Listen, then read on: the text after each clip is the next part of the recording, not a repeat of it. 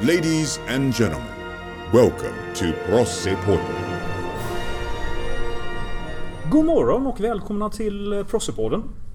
Idag så ska vi prata om eh, hur man kan tänka och vad det finns för tips när det gäller studier, sätta upp liksom då kortsiktiga och långsiktiga mål och hur distansundervisning förhåller sig till studieteknik. Och då har vi rätt person här. För med massvis med som vanligt bra idéer och dessutom erfarenhet från distansundervisning så har vi My här. Hej hej! Hej! För vad är, jag fick reda på vad har du för koppling och erfarenhet när det gäller det här? Eh, när jag gick eh, sista året på gymnasiet så läste jag på distans. Och detta var ju innan internets stora genombrott så jag läste över post. Eh, med handskrivna uppgifter som jag skickade på en brevlåda varje vecka. Och sen tentade jag av en kurs, eller två kurser varje månad. Eh, och så gjorde jag det med eh, gymnasiets sista år. Så att eh, jag har eh, erfarenhet både från eh, universitetet på sommarkurser på distans men också från gymnasiekurserna. Mm. Och sen har du då dessutom då levt genom det som är digitala förändringen i världen och samhället och vet du, skolan. Så vad är då de kortsiktiga och långsiktiga både utmaningarna och fördelarna med det som vi håller på att kämpa med nu? Jag ska säga utifrån mitt perspektiv som elev på gymnasiet Mm. så eh, det är många elever på Posivita som är studiemotiverade och duktiga. Och det var också lite mitt problem när jag gick i gymnasiet. Att jag ville gärna jobba lite snabbare än eh, vad eh, liksom, undervisningen i lektionssalen var. Eh, och blev ganska lätt uttråkad. Och när jag började läsa på distans då kunde jag jobba med materialet på det sätt jag ville och fördjupa mig ifall jag ville fördjupa mig eller bara göra det som krävdes av mig om jag ville göra det. Och jag kunde också jobba i liksom olika hastighet och lägga upp min tid på ett sätt som passade mig bättre. Eh, och jag vet att många av våra elever har svårt att, att balansera mellan skola och extrajobb. Och nu när vi har distansundervisning så kan du ju ha större möjlighet att kanske korrigera tider och så vidare så att eh, det passar din tid bättre. Det är en fördel. Mm. Eh, jag lärde mig också väldigt mycket. Men då var ju det för att jag var disciplinerad och gjorde mycket och läste mycket ändå.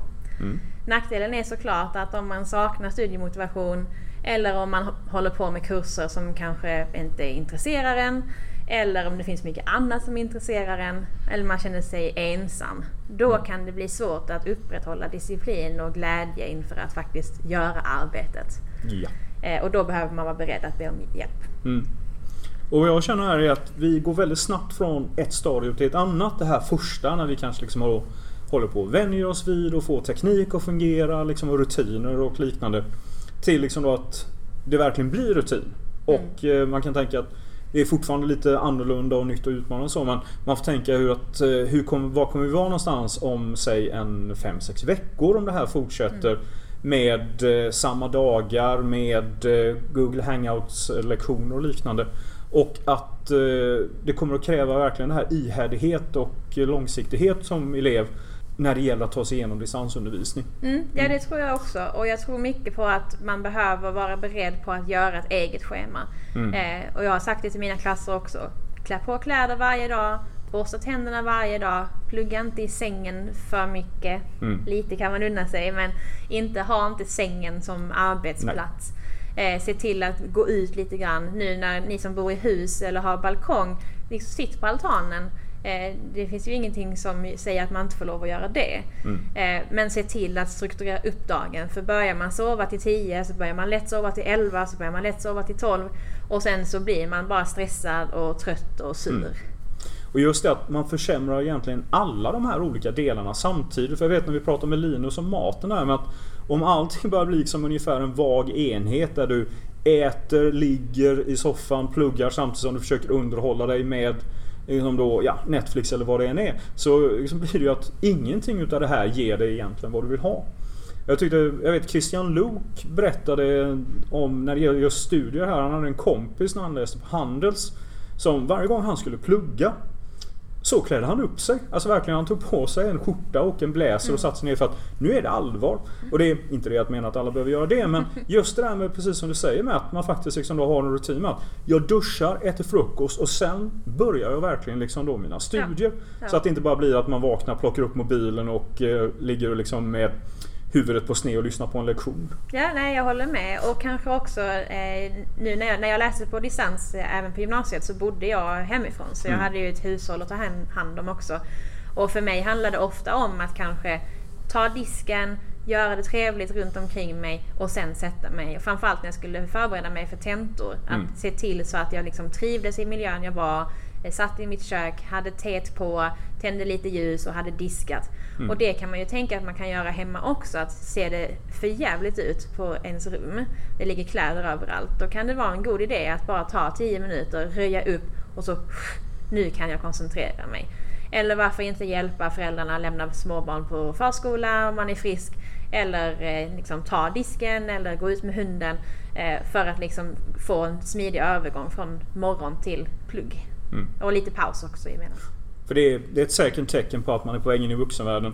Det är när man diskar efter maten istället för innan den. Så Precis. långt har jag inte kommit än. Okej, Nej, du, du får vara tydligare mot Roger helt enkelt. Mm. Men det är också det här med eh, när det gäller struktur och ihärdighet och få det att fungera på liksom lång kort sikt. Faktiskt sådana här saker, ett par grejer så här praktiskt. Men faktiskt sätta upp ett mål för dagen när man ser schemat. att Var ska jag vara någonstans? För det är det att man, även om det finns en digital liksom samvaro, jag tycker det är jättebra när man ser klasser som till exempel alla säger hej då till varandra på slutet på lektionerna och lite så här pepp däremellan. Så måste man faktiskt när det är hemmastudio ta ett större ansvar.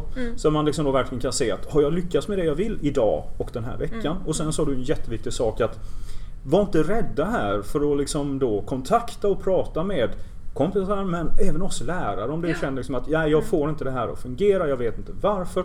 Så att Dels så kan vi ju liksom vara ett bollplank men också att vi blir medvetna om att det här fungerar kanske inte som du har tänkt dig. Eller om du känner liksom att eh, det är någonting du vill stämma av liksom rent socialt. Vi finns ju fortfarande här på skolan för det. Och det kommer ju bli så att vi gör smågrupper i alla Mm. klasser så att man kan ha Google Meets eh, liksom i smågrupper. Sen är det ändå viktigt att man kanske har en, en kompis som man skickar in. Mm. Och då vill jag också uppmana extra mycket att är det så att man känner att man inte har den här eh, kontakten, att ingen som frågar hur man har det och sånt där. Så, så Stefan sa, tveka inte att höra av er till oss eh, för att liksom få lite kontakt med oss. Mm. Det är viktigt. Det är viktigt. Det är så att eh, under den här veckan så kommer ni också få höra hur man till exempel tränar och håller sig igång fysiskt. Kommer du på om det? Och även det här med att eh, hur får man liksom då det som är sinnen och känslor och tankar.